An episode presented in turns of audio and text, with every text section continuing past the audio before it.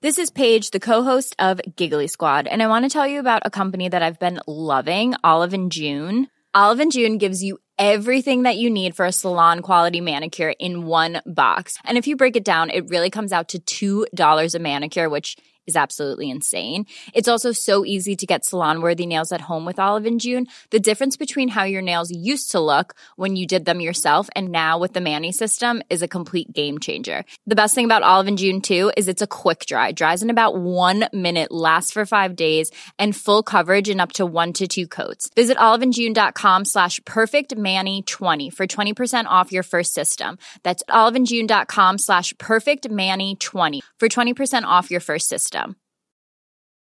When you're ready to pop the question, the last thing you want to do is second guess the ring. At Bluenile.com, you can design a one of a kind ring with the ease and convenience of shopping online. Choose your diamond and setting. When you find the one, you'll get it delivered right to your door. Go to Bluenile.com and use promo code LISTEN to get $50 off your purchase of $500 or more. That's code LISTEN at Bluenile.com for $50 off your purchase. Bluenile.com code LISTEN. Hey, it's Ryan Reynolds, and I'm here with Keith, co star of my upcoming film, If, only in theaters, May 17th. Do you want to tell people the big news?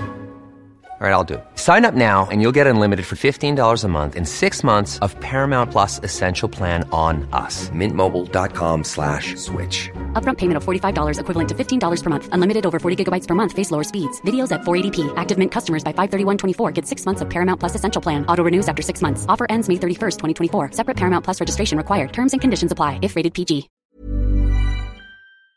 Det här avsnittet görs i samarbete med Maxulin. Maxulin är ett kosttillskott för vanliga män över 35. Om du beställer via maxulin.se palme deltar du i en utlottning av en Palmevandring och er guide, ja det blir såklart poddens skapare, Dan. Palmemordet, Skandiamannen del 10, Den osannolika mördaren.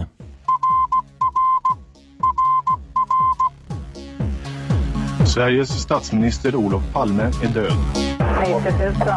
Ja, det är mord på Sveavägen.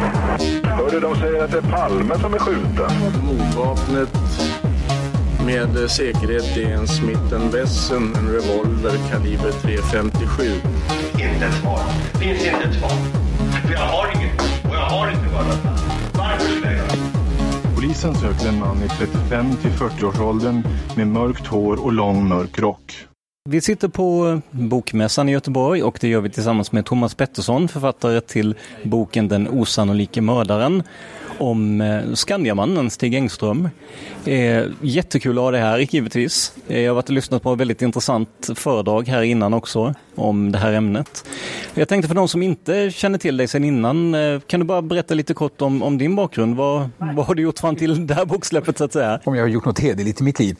Jo, men alltså jag eh, har ju en bakgrund som lärare faktiskt eh, här i Göteborg innan jag sålde om till journalistiken för det är snart 20 år sedan.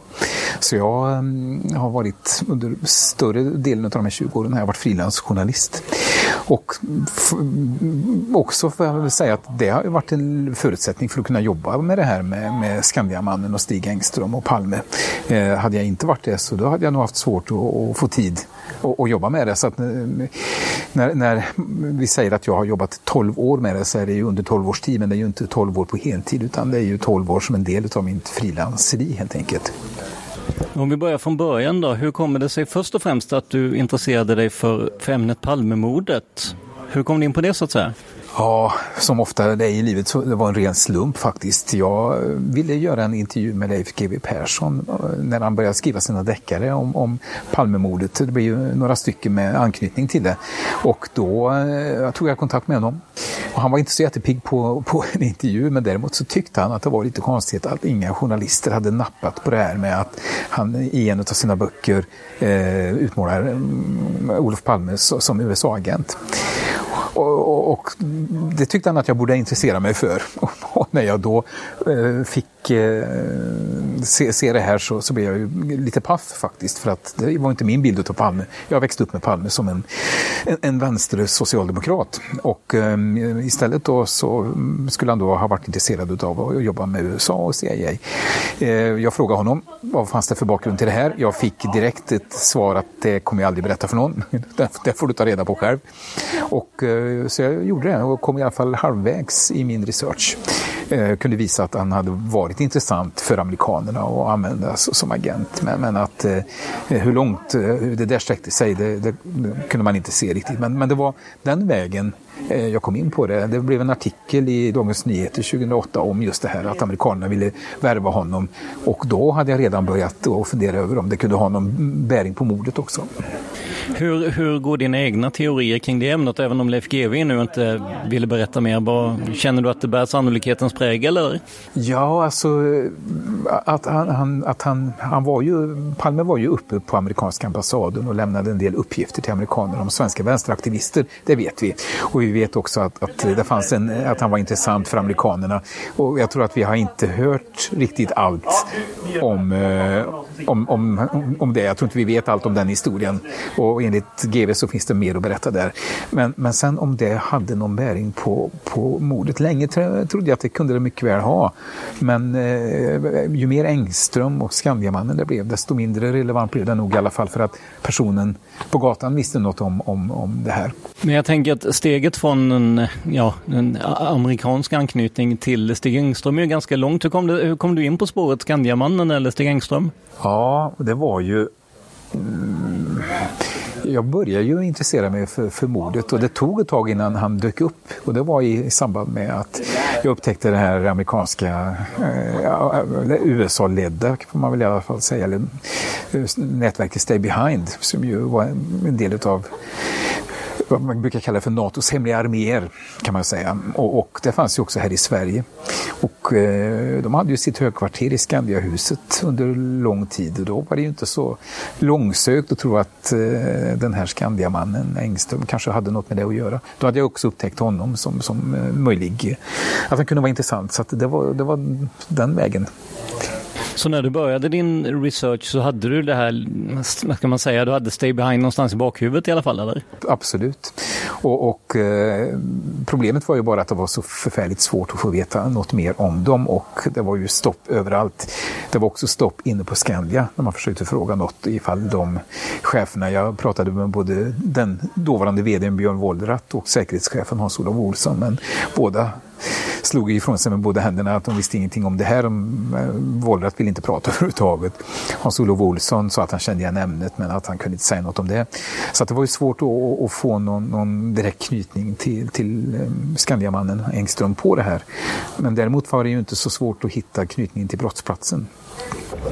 För vi kan väl göra en, en snabb sammanfattning då. Eh, Stig Engström var, jobbade som grafiker på, på Skandia. Eh, och eh, han kom att bli, i alla fall enligt egen uppgift, ett, ett, ett, ja, ett vittne till mordet och var en av de första på mordplatsen. Eh, är det en rättvis beskrivning?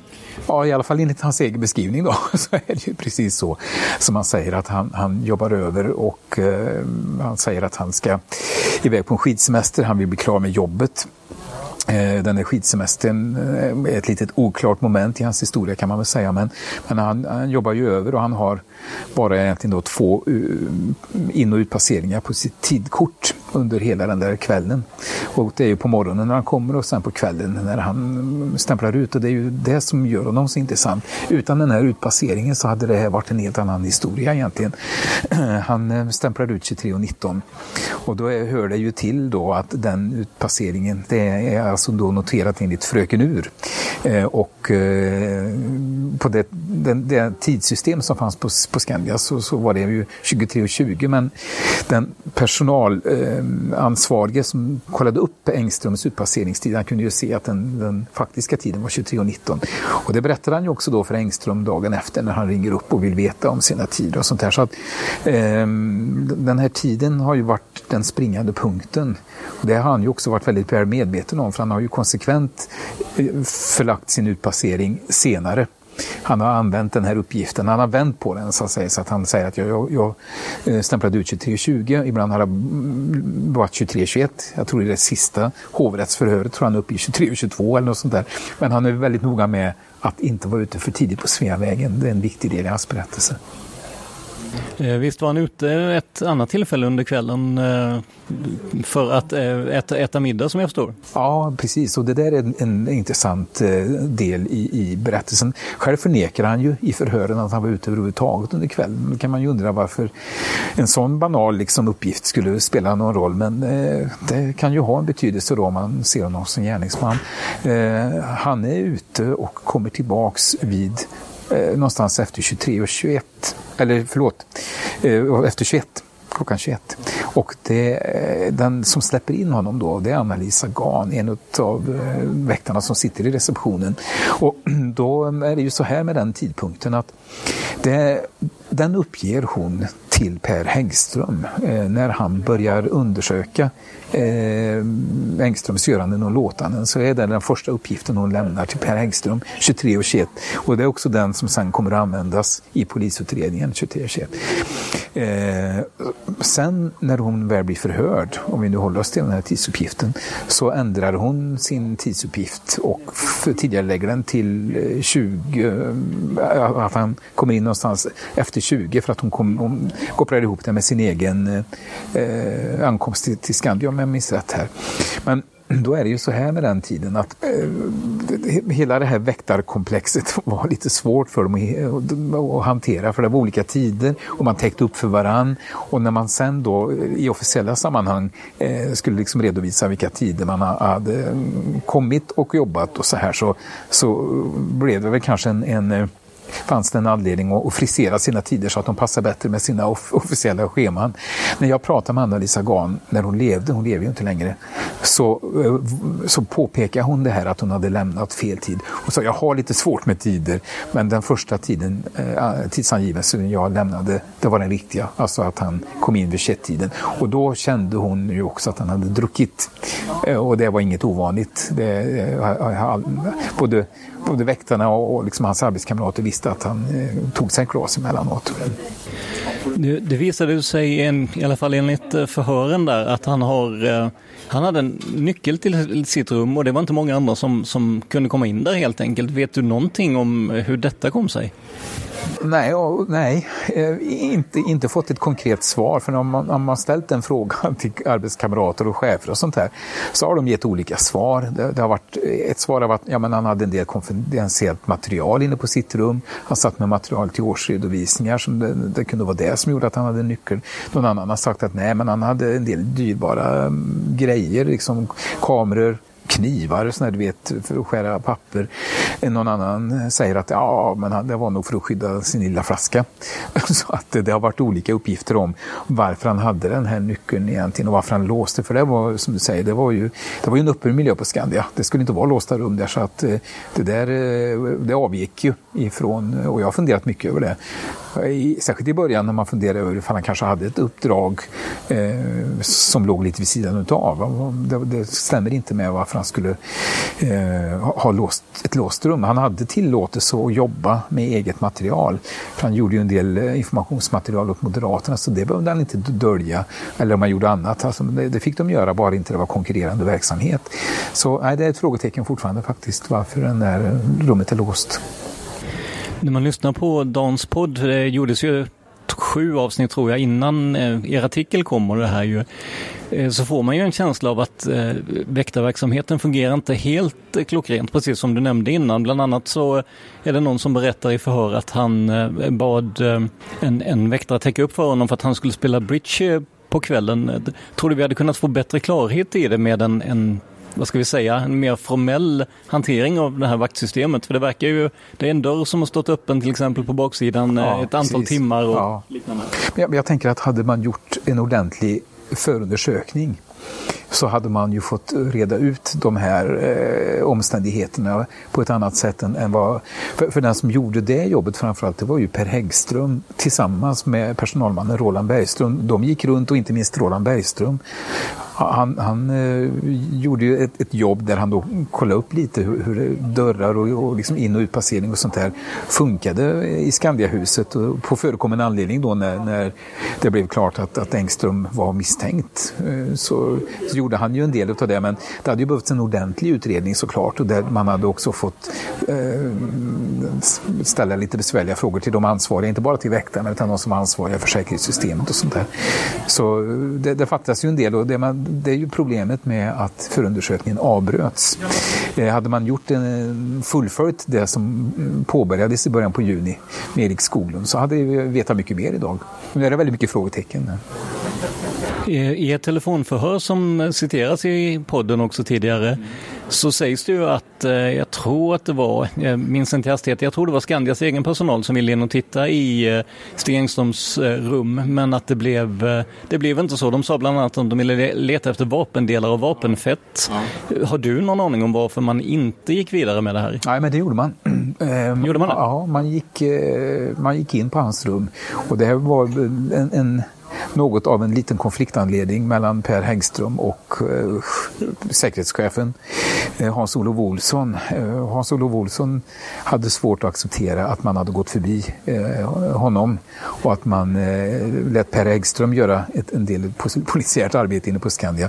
Så, så man gick in på hans rum men att man hittade ju inget och då så, säger Per Häggström att det var ju alldeles för sent givetvis. Det hade ju gått över tre månader då sedan mordet så att han hade ju haft gott om tid att städa och, och plocka undan saker och ting. Så att, eh, han var faktiskt inne på rummet men det gav inget.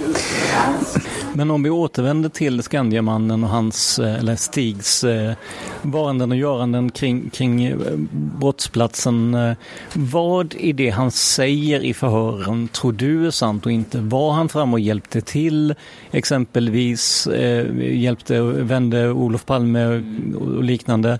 Eh, vad jag minns så såg väl inte Anna Hage eller eh, eh Stefan henne.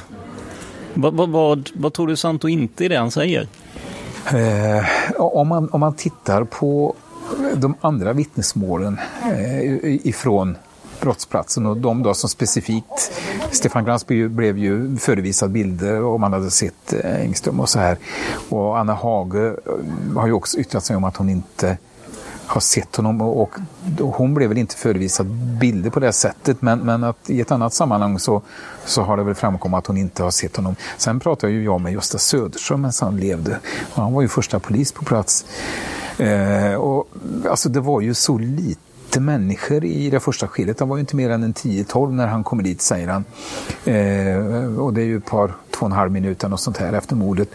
Eh, så, så, att Engström kunde inte försvinna i mängden så att säga. Utan han, hade han funnits på plats så, så hade ju både Glantz och Hag och, och andra som har blivit tillfrågad. av honom. Leif Ljungqvist spelar ju Skevamannen, blir tillfrågad också. Han har heller inte sett honom, säger han då. Nu har han sagt något annat på senare år här, men när det är alldeles färskt så har han inte sett honom. Och Gösta Söderström inte alls. Och eh, jag, jag frågade honom också om, om det här med att han då eh, inte att han skulle ha blivit nekad att lämna sitt vittnesmål. Och då säger ju Gösta Söderström att nej, nej, jag, jag sa åt de poliser som var på plats, se för fan till att ta alla vittnesmål. Nu vet vi ändå att man missar några, men att man aktivt skulle ha sagt att nej, vi behöver inget vittnesmål här. Det, det, det är ju inte sant. Så menar, det han återger ifrån brottsplatsen, det finns ju inget stöd i de andra vittnesmålen. Det finns inget stöd för den här löpturen han gör när han ska springa och lämna signalementet. Det finns inget stöd för att han har pratat med Lisbeth Palme. Eh, hon borde väl rimligen ha, ha pratat med Gösta Söderström, en uniformerad polis som ställer konkreta, formella, riktiga frågor till henne. Och hon, är, hon är inte kontaktbar. Men däremot har hon pratat flera gånger med Stig Engström. Alltså, det finns inte ett ord som är sant i hans eh, redogörelse från brottsplatsen ska jag säga. Det, och det, då det såg ju polisen tidigt. Men det måste ju vara en, en eh, brist i indiciekedjan också då för att han syns inte direkt på mordplatsen eller i alla fall direkt efter eh, skotten. Eh, det måste ju, det, det måste ju vara en, en, en stor pusselbit som saknas då, eller vad säger du? Eh, ja, att precis. Att han, eh, för, för hans egen del, eh, när han ska göra sig trovärdig så, så funkar det ju inte alls. Är han däremot gärningsmannen så är det ju logiskt. Då, är han ju, då ska han ju inte vara där helt enkelt. Så att eh, för, för honom hade det varit avgörande såklart om någon hade fäst honom på platsen. Men det har ju aldrig skett. Och, och jag funderar ju mycket över det i början, särskilt om det fanns uppgifter som, som på något sätt eh, klargjorde om man var där i något skede.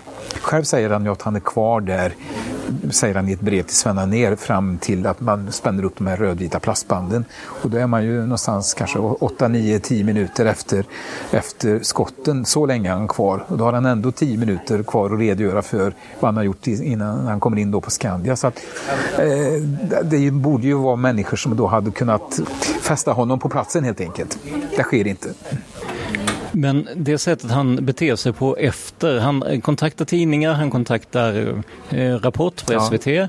och de gör någon slags egen rekonstruktion ja, där som precis. finns på Youtube för övrigt. Eh, för mig är ju inte det ett sätt som en, en person som vill Alltså som vill smälta in i mängden. Alltså det, det känns ju som att han sätter strålkastarljuset på sig själv. Är inte det ganska orimligt ologiskt om man är tilltänkt gärningsman? Jag tänker att det var nog mycket så man, man resonerar runt, runt honom. Och då får man ju tänka, man, man, får byta perspektiv. Så får man tänka sig hur skulle man agera om man är gärningsman?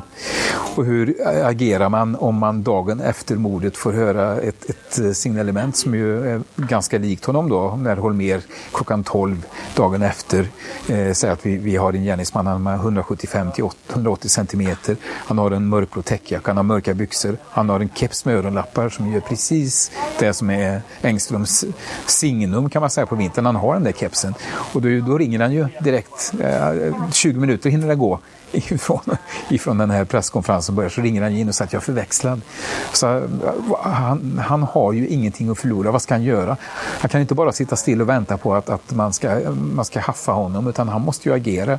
Och hans, eh, hans taktik blir ju då att säga att han är förväxlad med gärningsmannen. Och det är den han, han fortsätter och den utvidgar han under åren. Och och det, det, är hans sätt. Det är den enda chansen han har egentligen som jag ser det. Och, och, och det som spelar honom lite i händerna är ju då att han älskar ju uppmärksamheten. Han har inga problem med att vara i tidningarna. han älskar det. det eh, som han, en av hans barndomsvänner sa, han njöt av det, han njöt av varje sekund. Så att det som vi kanske skulle tycka vore besvärligt, en gemene man, där har han inga problem med att agera i media. Det, och det ser han ju såklart som sin möjlighet för att manifestera sig som vittne. Det som jag tycker kan ha saknats innan jag läste din artikel, eller dina artiklar ska jag säga, och boken här, det är ju hans inställning till Palme och sen också hur han kom över vapen och liknande. Ja. Om vi börjar med hans inställning till Olof Palme, har du kommit fram till något nytt där? Det, när jag började titta på honom så, så, visste jag ju att han var kom, kommunal Eh, Eh, aktiv i kommunalpolitiken i, i, i Täby. Eh, det jag inte visste var att, att omgivningen var så starkt Palmefientlig och där tror jag väl kanske att jag bara fått hört den mildaste varianten eh, så här i efterskott, att man, man mildrar lite hur illa det var. Men att eh, den allmänna inställningen i vänskapskretsen var ju att man inte, alltså man var Palmefientlig. Alla så alla tyckte illa om Palme, som hans exfru säger. Så det var ju inget konstigt att Stig gjorde det. Han plockade upp det där. Men sen får man också tänka i Täby, eh, det, kan man läsa om i boken. Alltså där, där har ungdomsförbundarna där i, i, i en klubb, eh, källarlokal så har man en, en piltavla uppsatt på Palme som man kastar pil på. Och eh, inte vet jag om, om Stig var nere och kastade pil där, men att eh, alltså det säger något om hur andan var.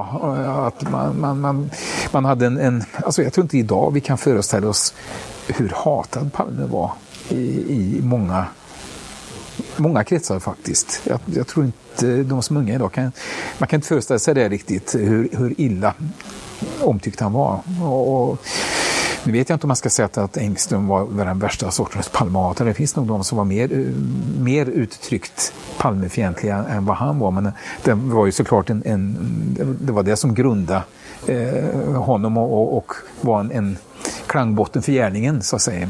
Och den andra delen då som, som eh, var en nyhet här tycker jag och det är ju hur han kom över vapen eller hur han teoretiskt skulle komma över vapen i alla fall. Kan du berätta lite om hur du kom fram till det vapenspåret? Ja, men det är ju intressant för att eh, den personen som, som visar sig inneha en stor samling vapen och även då relevanta revolvrar, både Magnum-revolvrar och Smith Wesson 38 som, som ju är möjliga Palmemordsvapen.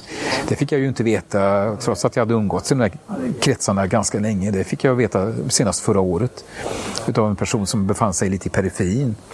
Och eh, det, det visar sig ju, eh, vi har kollat upp innehavet, att det fanns relevanta vapen där och vapensamlaren hade samma politiska inställning som Engström. Han kanske ännu mer nationalist och ännu mer militant kan man säga, för han var aktiv inom hemvärnet och hade en, hade en, en, en ganska bestickande historia som, som eh, aktiv tidigt i livet eh, och, och Palme, eh, USA-vän.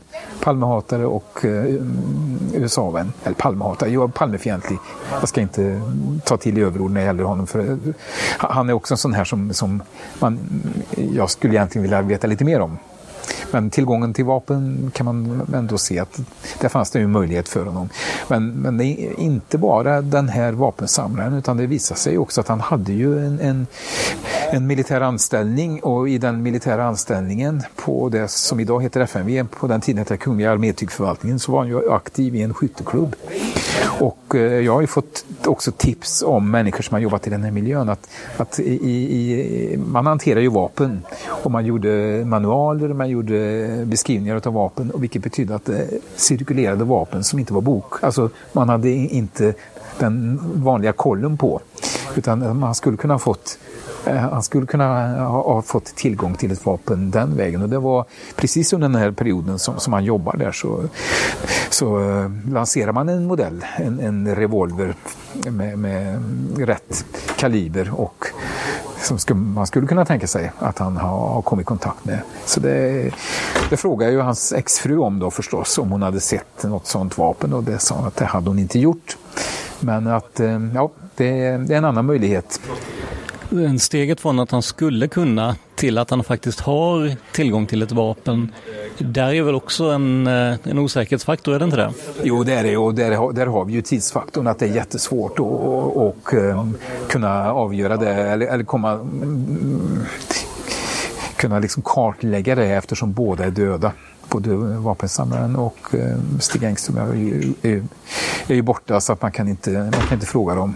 Så det får man ju bara se att, att möjligheten och, och eftersom den här åsiktsmässiga samstämmigheten finns och, och eh, när det gällde just eh, den här vapensamlaren så var han ju aktiv inom hemvärnet och hemvärnet hade ju en, en konflikt med Palme kan man säga. Man, man ville ju ändra på hemvärnets och polisens, framförallt polisens roll i ett, eh, i ett ockupationsskede, eh, vilket ju vållade mycket starka känslor inom hemvärnet. Man såg det som ett sätt att och, och, avväpna och, och, göra det lättare för en ockupationsmakt helt enkelt. Så att, med, med den här vapensamlarens brinnande intresse för hemvärnet så, så lär ju inte han ha omfattat Palme med några starkare känslor vid den här tiden. Men utifrån den research du har gjort, är du personligen övertygad om att det är Stig som har tagit Palme av daga? Ja, alltså jag, jag, det, är ett bra, det är ett bra uttryckssätt tycker jag, att jag är övertygad utifrån de sakskäl och fakta som finns. Säker ska man passa sig för att vara. Det passar inte för en journalist att vara säker på sin sak för då tar man inte in nya intryck och man sorterar bort information. Så jag, man ska akta sig för att säga att man är säker på något men övertygad utifrån de fakta som finns. Det, det har varit men det tog en ganska lång tid innan jag tog mig dit. Mm. I artikeln och eh, boken så namnges eh, Stig Engström eh, och jag skulle gärna vilja veta lite hur, hur ni tänkte det. Han är ju avliden, han har ingen möjlighet att, att försvara sig eh, mot den här, om, som han förmodligen skulle se det som en uthängning. Eh, hur, hur, tänkte ni kring att, att publicera namnet, att inte skriva Skandiamannen, Stig E ja. eller liknande? Ja, ja precis. Det, det här är ju det är ju en väldigt speciell situation. Eh, man får tänka på de kriterierna som är, som är relevanta. Då. För det första kommer vi med information om, om, om Skandiamannen och Engström som, som är relevant, så att säga att han är möjlig som gärningsman eller sannolik som gärningsman. Ja, det får vi väl säga att, att vi gör eftersom mm, Palmeutredarna har plockat upp det som sitt huvudspår får vi väl säga att, att det är. Och, eh, så, så att, att, att det vi kommer med materialet är relevant. Finns det ett stort allmänintresse? Ja, det gör det ju helt uppenbart. Eh, till och med ett intresse utomlands, inte bara i Sverige. Utan, och det, är ju vårt, det är ju ett nationellt trauma såklart. Eh, reglerna för namnpublicering det förutsätter ju att det är en fungerande rättsprocess och, och där har ju polisen själv sett till att eh, man har slagit undan benen på den rättsprocessen själv kan man säga. Han eh, avfördes ju på felaktiga och summariska grunder när, när man faktiskt våldsrotens Arne Irvell var eh, inne på att ja, men här har vi förmodligen gärningsmannen. Nu ska han utredas. Han, han tog det som en självklarhet att han skulle utredas. Så lägger man honom åt sidan. Då sätter man ju också någonstans hela processen ur spel. Och det här problemet kommer ju även, även såklart eh, Palmeutredarna att få när man presenterar något resultat om, om Engström. Så att, och här agerar mediala aktörer lite olika. En del håller fortfarande kvar på den här bogen att man ska inte publicera namn förrän det har kommit någon form av utredning i alla fall om, om Engström medan andra väljer att publicera namn och det har, har vi ju gjort. Och då har man ju också väckt in då publicitetsskadan. Och då är det ju så här med Engström att han, han har ju inga barn. Han har ingen familj i livet. Eh, han har ingen som tar den typen av, av skada av publiciteten. Utan det är ju han, han själv, då på att säga, och namnet som, som tar skada. Det spelar ju en, en roll definitivt. för eh, de, Den senaste anhöriga gick bort förra året då och, och exfrun, de var ju skilda redan när han gick bort. Så att, eh, det spelar ju en stor roll faktiskt att inte det fanns. Hej, jag Ryan Reynolds. At Mint Mobile, we like to do the opposite of what Big Wireless does. They charge you a lot. we charge you a little. So naturally, when they announced they'd be raising their prices due to inflation, we decided to deflate our prices due to not hating you. That's right. We're cutting the price of Mint Unlimited from $30 a month to just $15 a month. Give it a try at mintmobile.com slash switch. $45 upfront for three months plus taxes and fees. Promote for new customers for limited time. Unlimited more than 40 gigabytes per month. Slows. Full terms at mintmobile.com. Hi, I'm Daniel, founder of Pretty Litter. Cats and cat owners deserve better than any old-fashioned litter. That's why I teamed up with scientists and veterinarians to create Pretty Litter. Its innovative crystal formula has superior odor control and weighs up to 80% less than clay litter. Pretty Litter even monitors health by changing colors to help detect early signs of potential illness. It's the world's smartest kitty litter. Go to prettylitter.com and use code ACAST for 20% off your first order and a free cat toy. Terms and conditions apply. See site for details. Hey, it's Ryan Reynolds, and I'm here with Keith, co star of my upcoming film, If, only in theaters, May 17th. Do you want to tell people the big news? All right, I'll do. Sign up now and you'll get unlimited for $15 a month in six months of Paramount Plus Essential Plan on us. Mintmobile.com slash switch. Upfront payment of $45 equivalent to $15 per month. Unlimited over 40 gigabytes per month. Face lower speeds. Videos at 480p. Active Mint customers by 531.24 get six months of Paramount Plus Essential Plan. Auto renews after six months. Offer ends May 31st, 2024. Separate Paramount Plus registration required. Terms and conditions apply if rated PG. Några som, som tog den typen av skada som anhörig. Du pratade lite om utredningen och jag vet att du har haft kontakt med Palmeutredningen. Eh, kan du berätta lite kring, kring den kontakten? Hur kom det sig att du kom i kontakt med dem? Var det de som kontaktade dig eller var det tvärtom? ja, nej, det var nog jag som tjatade in mig där. Eh, jag hade en hel del kontakt med dem under Dag Anderssons tid eh, och redan innan. Men Stig Edqvist var en annan typ. Han höll sig ganska långt ifrån oss journalister. Eh, om det inte var något akut sådär. Eh, Dag Andersson var, hade en annan öppen attityd och var också intresserad av det här. Så jag, jag var ju där i, i några vändor och det var ett par glasögon som intresserade mig väldigt mycket. Så då, ja, han visade upp en, en, öppen och intresserad attityd, Dag Andersson. Eh, och även andra utredare där. Och det grundade nog för en, en, bra relation tror jag. Som sen överlevde in när det kom en ny ny personal in i utredningen och en ny åklagare. Så att, att den relationen har nog varit varit bra och då tog ju jag kontakt med dem när jag upptäckte den här vapensamlaren för att där förstod jag att här kommer ju inte jag längre. Jag kan inte provskjuta vapen och jag kommer inte åt eh, arkiv och sånt här heller. Så att då var det ju bara att meddela vad man hade upptäckt för något. Eh, och även kan man väl säga att, just det här summariska avförandet av Engström 87, det tror jag inte att de hade kanske riktigt klart för sig att det var så bristfälligt. Så, så där, mm, jag skrev en PM när jag hade fått kika på det här eh, PM som Håkan Ström hade, hade mm, skrivit då. Och det, det, kan nog ha spelat en roll tror jag för dem att de upptäckte att men det här det är ett bristfälligt av, avförande här. Eh, och, och, det hade nog levt sitt eget liv lite i utredningen tror jag. Att man hade haft för sig att ja, men det är ju ordentligt gjort det här. Och, och Håkan Ström var normalt en, en duktig polis. Att, att det här var nog inte riktigt signifikativt för hur, hur han brukade jobba. Utan det, det här är något som jag, jag kan inte riktigt se hur det, hur det har blivit så pass fel som det har blivit. Men jag kan bara konstatera att det är så. En teori är ju att när man fick upp ögonen för ehm, exempelvis Christer Pettersson så la man allting annat åt sidan, så även uppslaget Skandiamannen. Är det någonting du har reflekterat över? Ja, fast jag tänker att det här var ju tidigare som man avförde honom, men det var redan 87 egentligen. Och eh, ja, en känsla är ju att, att Holmer var ju inte intresserad av Stig Engström. Han såg honom som en knepig pajsare som, som eh, bara ställde till bekymmer som han säger. Han hade ju bestämt sig för ett mycket större och mycket mer eh, politiskt eh, viktigt och tungt spår där han själv kunde spela en helt annan roll. Så att, att han under hans tid, att man skulle plocka upp Engström igen och, och få upp det till och med på åklagaren nivå. Det tror jag var, nej, det var, det var nog en omöjlighet. Det skulle inte ha det skulle inte ha funkat under hans tid. Kanske med en annan eh, spaningsledare. Men nu blev han ju avförd under Holmer.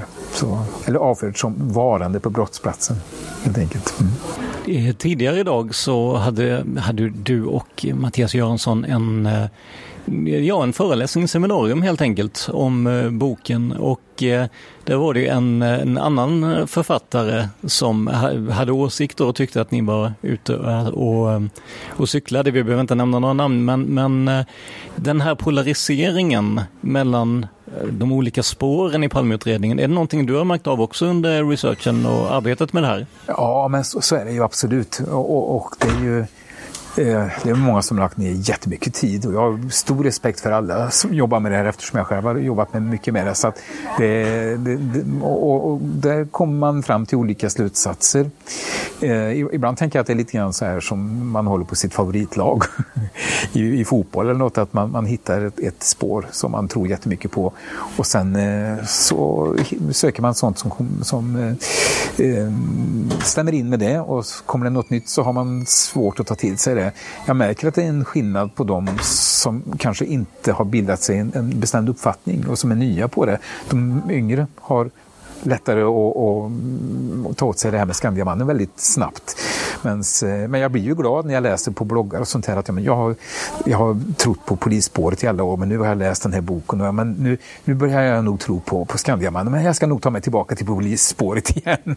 Så det här att man, att man i alla fall tänker över det en gång för att jag, jag inser att, att eh, det här är inte något där man vinner alla på sin sida direkt utan folk har olika ståndpunkter och man har läst in sig mycket och det, det men, men nu står han där i alla fall, Skandiamannen, och så får man ta del av materialet så får man tycka bu eller bä om det. Bland andra Leif GW Persson och eh, även Lars Borgnäs har ju varnat för just det som vi kallar tunnelseende då när man, när man närmar sig ett spår och känner att fan det här är ju, nu är vi ute på, på rätt väg. Hur har du gjort för att inte hamna i ett, ett tunnelseende utan försöka ta till dig så mycket fakta som möjligt som journalist? Ja, jag har ju, jag har ju läst det mesta, tror jag nog att man kan säga. Och, och eh, det blev ändå ganska sent som jag bestämde mig för att, att jag har jobbat länge med Engström, men jag har inte känt mig säker. Och, och det, alltså, som sagt, det är en livsfarlig känsla tror jag, att man är säker på något. De som jag har stött på som har jobbat med, med olika Palmeteorier eller Palmespår, som har varit säkra, det, det, det har varit då har varit för säker. Eh, så att, att det gäller fortfarande och, och, det gäller att kunna vara uppe men, men, på något sätt måste man debriefa sig själv. Samtidigt som i det här fallet måste man också då sätta ner foten och säga att ja, men nu tror jag, jag känner mig övertygad om att, att han är gärningsmannen. Men, men det har tagit lång tid och det har varit en lång väg att ta sig dit. Men när man väl har gjort det, sen tror jag nog att man får svårt att ta in något annat. Eh, då får man aktivt jobba som man gör i, i professionella organisationer och jag, jag, ser ju också problemet med de poliser som exempelvis jobbar med Christer Pettersson. Och sen när inte det går vägen och sen så ska man börja med något nytt och det släpade nog med. Jag tror att det är ett välkänt fenomen att det kanske var lite för många kvar i organisationen och kanske även på åklagarsidan. Så man ändå hade en känsla av att ja, men det var nog Christer ändå. Eh, man hade nog behövt att byta ut. Jag tror att det är väldigt svårt när man väl en gång har satt ner foten. Så att eh, eh för min del, om jag skulle göra något annat nu så skulle jag nog behöva debriefa mig själv rätt rejält tror jag.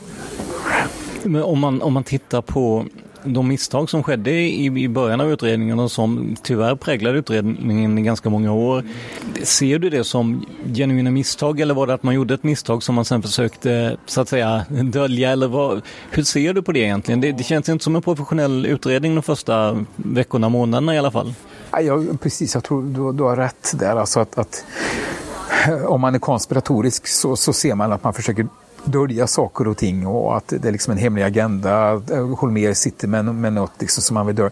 Jag tror att man ska tänka inkompetens, eh, slöhet, eh, brist på fantasi, eh, en massa mm, tillkortakommanden först och främst innan man tänker konspiration. Och så var det nog. Man kan ju börja med liksom, varför sätter man Holmér som, som spaningsledare? Han var ju administratör och det påpekar ju faktiskt även Mårten Palme när jag träffade honom i somras. Att det var ju vad han upplevde, att han, han hade ju kommit på fel ställe ställe. Och, och, är det då svårt att se Engström exempelvis då, som gärningsman, som du säger, att han, han, han uppträder ju inte som någon klassisk gärningsman, så, så behövde man nog vara i alla fall ett proffs på, på mordutredning för att se det. Och det, Irvel kunde ju se det, men jag tror att det kanske till och med var lite svårt för dem. Eh, men han, de kunde ändå se det, men för en, för en amatör, för det var ju faktiskt då Holmér, eh, så kunde han inte det och då var ju det katastrofalt faktiskt, att han sitter i en sån position att han, han kan ju avgöra vilket spår man ska satsa på. Och, och det är ju också väl omvittnat efteråt att han hade ju sån dominerande ställning i utredningen så man vågar ju inte gå emot honom. Jag tror att det hade funnits en chans om eh, Irvel, för han var så pass gammal och hade skinn på näsan, hade suttit kvar eh, över sommaren eller något år. Eh, då hade kanske det här Engström-spåret haft en chans i alla fall. När han försvann så, så eh, då försvann nog mycket med chansen att han mm, faktiskt skulle bli aktualiserad och utredas. Eh, Eh, så, så, att eh, kunskapsbrist. Och även då när man då sen gör en gärningsmannaprofil så är ju en av reflektionerna med granskningskommissionen här att den här kunskapen hade man behövt. Det kommer för sent. Man, sk man skulle ha tagit hjälp av amerikanerna redan när man körde fast 87. För man tog ju hjälp med annat. Man tog ju hjälp när man med när man provsköt vapnen exempelvis, man tog hjälp med en sån där signalementsmaskin. Man hade kunnat ta hjälp med en gärningsmannaprofil också. Men det gjorde man inte. Men den kunskapen om den här typen av gärningsman fanns inte i Sverige. Den fanns i USA. Och det ser man då när gärningsmannaprofilen kommer. Så då, då ser man ju att faktiskt en sån här som Engström stämmer hyggligt väl in. Och stämmer ännu mer väl in då om man plockar fram en sån här eh, som, som den här amerikanen James Clark. Eh, I hans eh, forskning så ser man att då, då kickar han in väldigt väl. Men den kunskapen fanns inte. En sak jag tänkte på, det som många av våra lyssnare invänt mot eh, spåret Skandiamannen då, det är ju tidsaspekten. Hur visste Skandiamannen Stig när han skulle gå ut?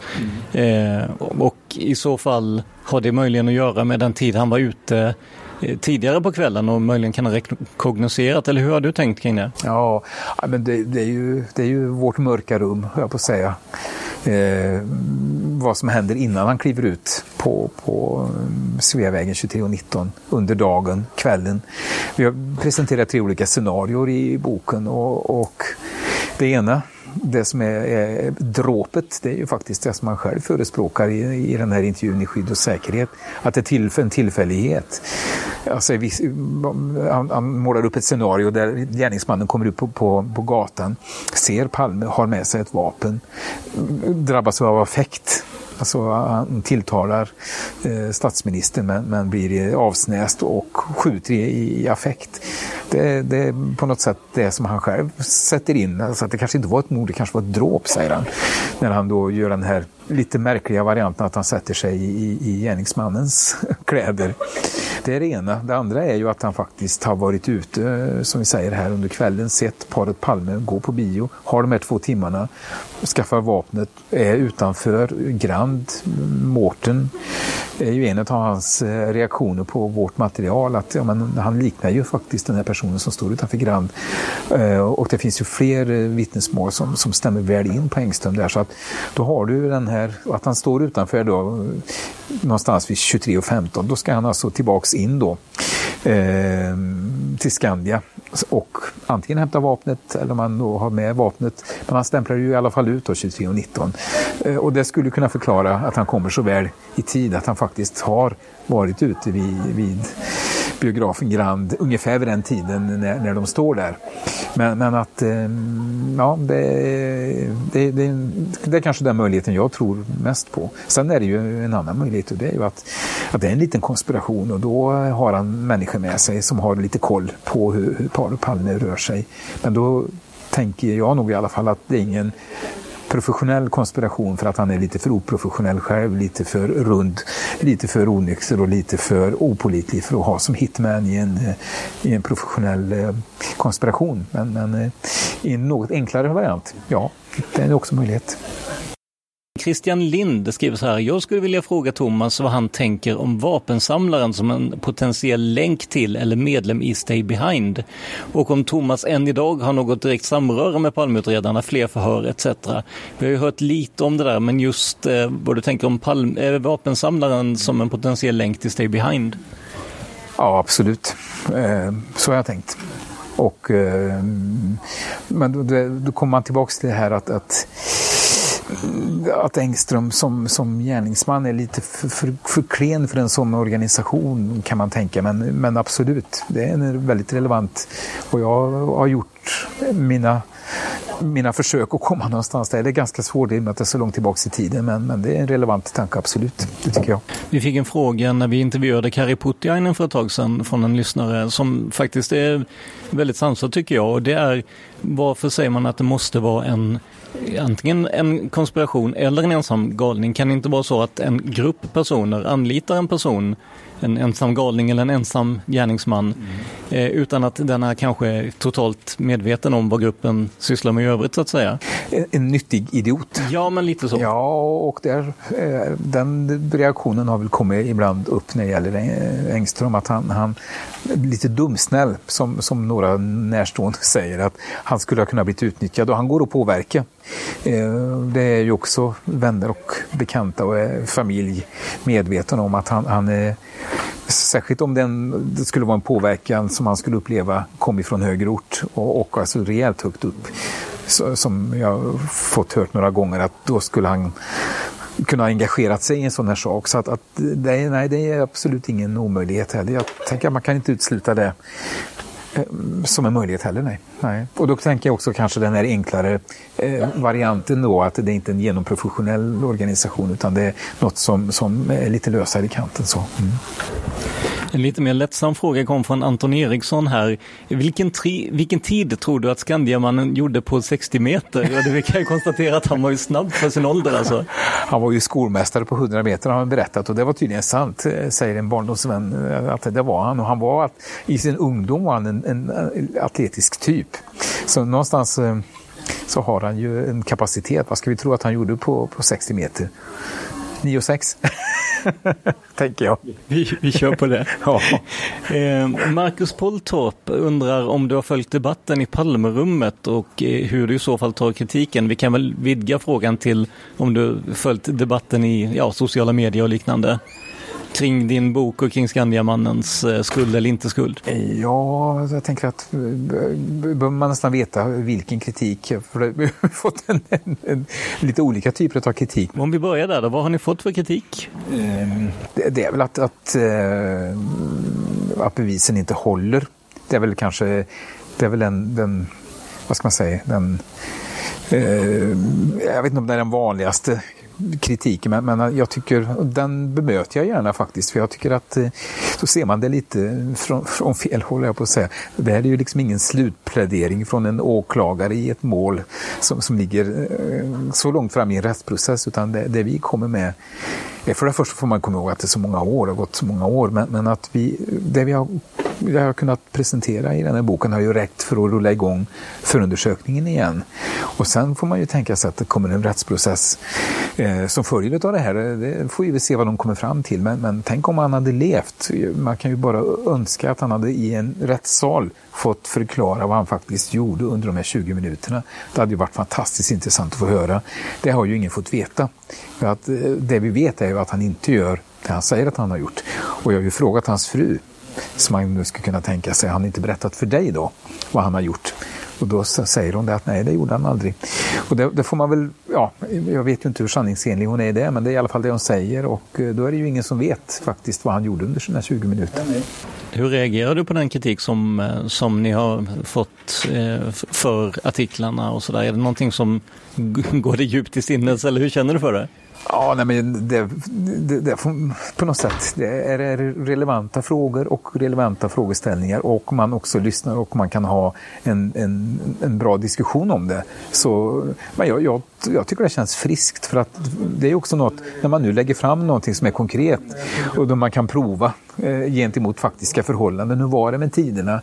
Det, här med, alltså, det finns ett antal frågor man kan ställa när det blir konkret. Jag tycker det är mycket värre när det, eh, när det håller sig liksom på teorinivån och det, man aldrig egentligen kan ställa de här skarpa frågorna. Ja, det, det finns, mm, om man har en konspirationstanke exempelvis. Eh, vad är det för motiv? Ja, då kan man inte, eh, man kan, man kan aldrig ställa, man får aldrig några personer bakom, man får aldrig någon person som är på, på, på Sveavägen. Då blir det bara en idédiskussion. Jag tycker det känns, eh, ja, det känns bra att ta eh, de här konkreta frågorna runt Engström, för det, då är vi i alla fall på brottsplatsen. Bo Andersen undrar om du har pratat med den så kallade skeva mannen Leif L inför boken? Nej, det har jag inte gjort. Jag har inte heller tyckt att det har känts som att man har behövt det. För att han, han är ju väldigt tydlig i sitt förhör eh, när han blir tillfrågad om han har sett eh, Engström exempelvis. Då. Eh, så säger han ju, och det är väl i, i Håkan Ströms förhör, eh, att han svarar han ju nekande på det. Och dessutom har jag ju en, en, gjort en analys av det här så kallade LAC-bandet eh, som är med i boken. Och där det ju då, eh, finns inte Engström med. Eh, däremot finns Jan-Åke Svensson med då, den här BMW-ägaren som eh, eh, ju blir då felaktigt, felaktigt eh, identifierad så, som Engström när, när man ska försöka uh, klargöra om Engström har varit på brottsplatsen eller ej så förväxlas ju han av Jan Andersson som är den killen som sitter bredvid Ljungqvist. Eh, det är väldigt tydligt, eh, det finns liksom inget att ta fel på där att, att Engström skulle ha varit framme vid, vid Ljungqvists bil. Det, det har han inte varit. Jag har ju pratat med honom dessutom personligen och hans, hans eget vittnesmål är väldigt tydligt. Han går fram till Ljungqvist för att fråga om de har, att de kan ringa på polis. Och det är han som, som kommer och har glasögon och trenchcoat, det är inte Engström. Så just för den saken skulle jag inte behövt prata med Ljungqvist tycker inte jag. Och man märker ju också när jag har pratat med så pass många människor och även vittnen så, så är det ju så att de bästa vittnesmålen är ju de som är färskast. Sen blir de sämre och sämre. Carl Liljas undrar, hur är din syn på att det är allmänt accepterat att mördaren följde efter makarna Palme från Grand? Om det stämmer skulle Skandiamannen vara omöjlig som gärningsman. Om man nu säger att det är allmänt accepterat, det får stå för honom i det här fallet. Ja. Men...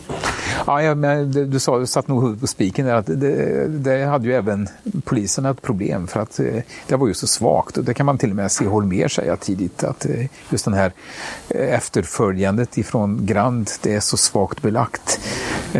Att man, man man har fått öppna för andra möjligheter att, att gärningsmannen har, om han nu skulle ha varit vid Grand så han kanske rört sig på andra sidan Sveavägen exempelvis eller att han, ja det, det är ju det, det, är ett problem helt enkelt. Hur, hur hamnar gärningsmannen där han gör?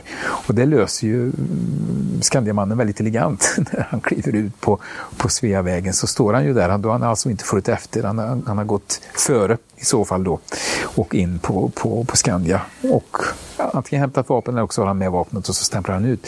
Så alltså det där, det, jag skulle inte säga att det är allmänt accepterat, det är det inte. Det har varit ett problem alltid. Öyvind Berge från Norge eh, misstänker jag frågar nämligen om boken eh, kommer att översättas till norska och då kan jag hänga på frågan om den kommer som ljudbok också.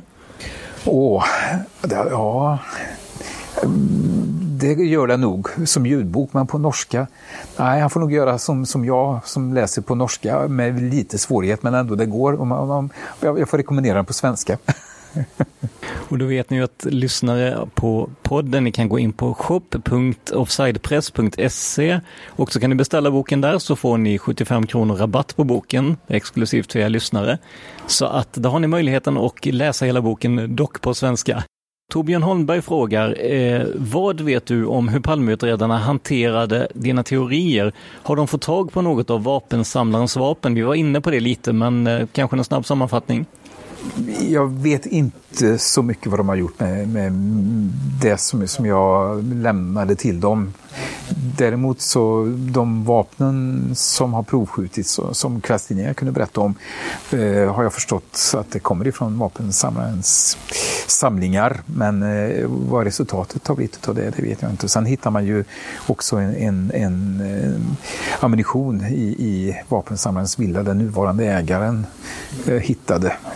Eh, och, och, vad det har kunnat gett för något det vet jag inte heller. Men, men att det är ju i alla fall visat att, att, att det var ett relevant tips så att säga. Att man har både hittat ammunition och provskjutit vapen. Så mm, det är väl det jag... Sen får inte jag veta något mer längre. Nu, nu, har, man, nu har vi en annan relation. Det fanns en, en, en tid när det var, jag fick veta mer. Men eh, nu jobbar de som jag tycker väl också att, att en Palmeutredning ska göra. Det läcker inte. Det gjorde det förr, läckte det mycket från utredningen, det gör det inte längre. Vi tar en sista fråga här och det är Christian Umeland som frågar om Skandiamannen har fler mord på sitt samvete. Nej, det har han inte. Han har ett magert brottsregister. Han har några domar har han faktiskt. Det första var eh, under sin under sina unga år när han eh, eh bröt eh, under en, en en, heter det, repmånad så begick han ett tjänstefel och det blev han faktiskt dömd för i civilrätt några dagar så han fick sitta i arresten. Sen blev han ju också dömd för rattfylla när han hade sina nedgångsår på 90-talet och drack väldigt mycket. Men eh, det man vet ifrån den amerikanska forskningen är att den här typen av gärningsmän som man ju får se Engström som att eh, det är en brotts, brottslingar, alltså de gör ett sånt här brott en gång, sen eh, har de inget kriminellt eh, historia direkt. Eh, utan det, det, det är nog ett eh, engångs mm, en engångskriminalitet helt enkelt. Till sist, tror du att det någonsin går att lösa mordet på så sätt att det finns antingen en dom, det kommer ju inte att ske i fallet Skandiamannen, eller att det i alla fall finns en enighet om vad som hände Olof Palme?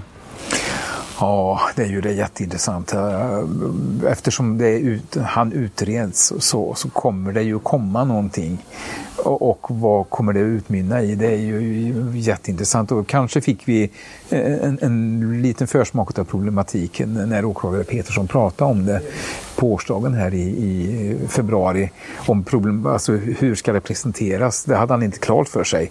Och jag tror att det är så att, att det här är ju ett unikt fall Eh, på det sättet att gärningsmannen inte är, man kan inte göra en vanlig rättsprocess. Då får man ju lösa det på något annat sätt då, för det, det kan ju det, det, är klart att han säger ju det, Petersson, att har ha gärningsmannen varit i sin krafts dagar när det här sker är det ju mycket möjligt att han är död. Och eh, då, då har man ett problem, ett rättsligt problem såklart. Det är ju samma problem som Palmeutredningen stått inför i stort sett hela tiden. Hade man återupptagit någonting mot Christer Pettersson så han, han är borta, ja. Viktor Gunnarsson är borta, eh, vi har Christer A eh, ja. som också är, är borta. Ja.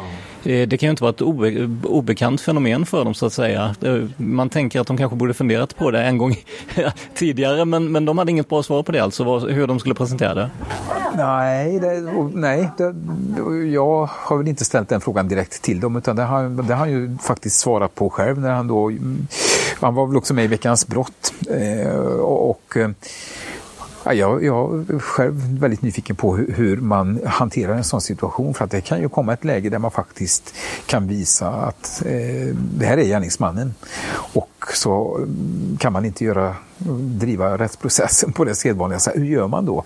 Det är jätteintressant och det, i och med att det också inte är preskribering, eller vi har ju inte preskribering längre på det sättet som jag hade innan, så kommer väl den här, det är väl större risk att sådana situationer uppkommer och då, det kanske måste till någon ny lagstiftning, jag vet inte. Det är intressant, jag tycker det är jätteintressant. Och relevant när det gäller Skandiamannen såklart. Och intressant har det också varit att sitta ner och prata med dig idag. Stort tack för att vi fick prata med dig, Thomas Pettersson, författare till Den osannolika mördaren. Eh, och skulle det komma in fler frågor så kanske det går bra att slänga ett mejl så vi kan svara på det på Facebook eller liknande. Absolut, det var bara rätt roligt att vara med. Tack så mycket. Jättebra, tack så mycket. Till sist vill vi påminna er om att det är ni lyssnare som ser till att podden kan finnas kvar. Genom att sponsra oss på patreon.com palmemordet får vi möjlighet att skapa nya avsnitt och ta upp mer tidskrävande spår, som till exempel polisspåret. Det är alltså patreon.com palmemordet. Och alla bidrag är välkomna och det finns också olika belöningar till er som sponsrar Se mer på patreon.com palmemordet. Glöm inte heller att gå in och rösta på vem ni tror höll i vapnet som mördade Olof Palme. Ni hittar en länk till omröstningen på vår Facebook-sida facebook.com palmemordet. Palmemordet finns också på Youtube. Bara sök på Palmemordet. Boken från dagens avsnitt finns ännu inte som e-bok eller ljudbok men om den släpps som det är chansen stor att du hittar den på Nextory. Nextory är en prenumerationstjänst för ljudböcker och e-böcker. Om du går in på nextory.se palme och tecknar dig för ett abonnemang så bjuder Nextory på 30 dagar gratis då du kan upptäcka deras tjänst. Detta gäller om du inte tidigare varit prenumerant hos dem. Det här avsnittet gjordes av mig, Tobias Henriksson på PRS Media. För mer information om mig och företaget, gå in på facebook.com prsmedia.se eller besök hemsidan på www.prsmedia.se. Tack för att du lyssnar på podden Palmemordet. Man hittar Palmes mördare om man följer PKK-spåret till botten. För att ända sedan Julius Caesars tid har aldrig hört talas om ett mord på en framstående politiker som inte haft politiska skäl. Polisens och åklagarens teori var att han ensam hade skjutit Olof Palme. Och det ledde också till rättegång. Men han frikändes i hovrätten. Nu ska vi ut på rövarstråt, vi ska ut. Planning for your next trip? Elevate your travel style with Quince. Quince has all the jet-setting essentials you'll want for your next getaway. Like European linen, premium luggage options, buttery soft Italian leather bags, and so much more. And it's all priced at 50 to 80% less than similar brands. Plus, Quince only works with factories that use safe and ethical manufacturing practices. Pack your bags with high-quality essentials you'll be wearing for vacations to come with Quince. Go to quince.com slash trip for free shipping and 365-day returns. Hi, I'm Daniel, founder of Pretty Litter. Did you know cats tend to hide symptoms of sickness and pain? I learned this the hard way after losing my cat, Gingy. So I created Pretty Litter, a health monitoring litter that helps detect early signs of illness by changing colors, saving you money and potentially your cat's life. Pretty Litter is veterinarian developed, and it's the easiest way to keep tabs on your fur baby's health right at home. Go to prettylitter.com and use code ACAST for 20% off your first order and a free cat toy. Terms and conditions apply. See site for details. Planning for your next trip? Elevate your travel style with Quince. Quince has all the jet setting essentials you'll want for your next getaway, like European linen, premium luggage options, buttery soft Italian leather bags, and so much more. And is all priced at 50 to 80% less than similar brands. Plus, Quince only works with factories that use safe and ethical manufacturing practices. Pack your bags with high-quality essentials you'll be wearing for vacations to come with Quince. Go to quince.com slash pack for free shipping and 365-day returns.